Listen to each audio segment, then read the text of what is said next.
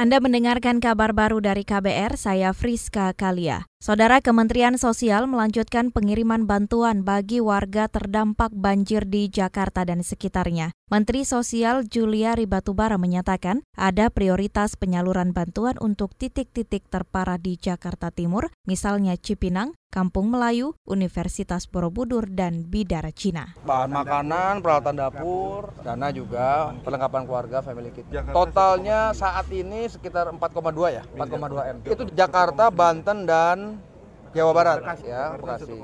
Hanya Jakarta 1,9 M, tapi nanti kan bisa bertambah lagi. Iya, dari Kementerian Sosial. Bukan kita kumpulkan, memang dari kita. Saudara Mensos Juliari Batubara juga akan memberikan santunan uang tunai kepada ahli waris korban banjir yang meninggal. Nilainya 15 juta rupiah per korban jiwa. Hingga siang ini jumlah korban meninggal akibat banjir di Jakarta, Banten, dan Jawa Barat mencapai 19 orang.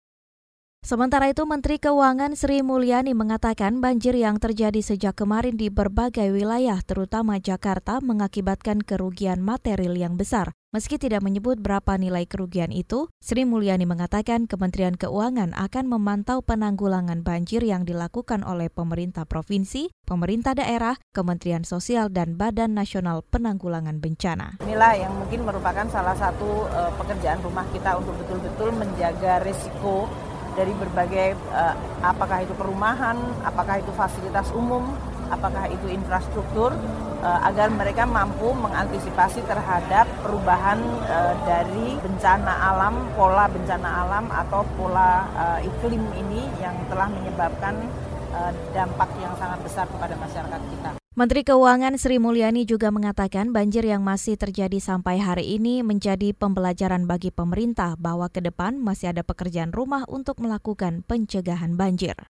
Sementara itu menyusul kejadian banjir besar yang terjadi di Jakarta sejak kemarin, fraksi PDI Perjuangan DPRD DKI Jakarta mempertanyakan realisasi janji politik Gubernur DKI Anies Baswedan. Menurut Ketua Fraksi PDI Perjuangan Gembong Warsono, bencana banjir seharusnya bisa dihindari kalau Gubernur DKI Jakarta serius merealisasikan program penanggulangan banjir sebagai salah satu janji kampanye pada 2017 silam. Gembong menyatakan selama dua tahun ini tidak ada eksekusi program penanggulangan banjir yang konkret, padahal pemerintah pusat sudah mencoba melakukan kerjasama untuk menangani banjir di Jakarta, seperti proyek Kali Ciliwung, di mana Pemprov DKI Jakarta harusnya melakukan pembebasan lahan. Namun faktanya pembebasan lahan justru tak terwujud sepenuhnya.